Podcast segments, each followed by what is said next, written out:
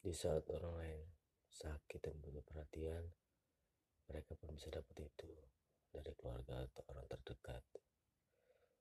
Untuk gue, gue cuma harus lebih kuat sendiri.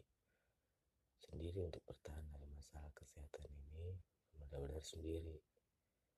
Belajar terbiasa dengan masalah dan belajar tidak terbiasa dengan perhatian dari siapa pun. Gak semua orang harus selalu satu pemikiran dari kata introspeksi membuat diri sendiri menjadi untuk tidak overthinking dengan setiap keresahan yang dirasa.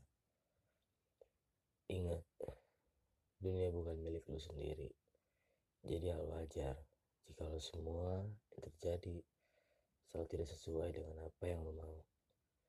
Jika sadar kita hanya penumpang, akan membuat pemikiran menjadi lebih tenang. Dan dalam tiap situasi yang menjalani akan selalu enak-enak aja. Di setiap kejadian selalu membawa pesan positif dan baik negatif. Gunakan otak untuk menyaring, bukan melan semua yang diterima. Teruslah berbuat baik tanpa mengungkit apa yang sudah kita berikan kepada orang.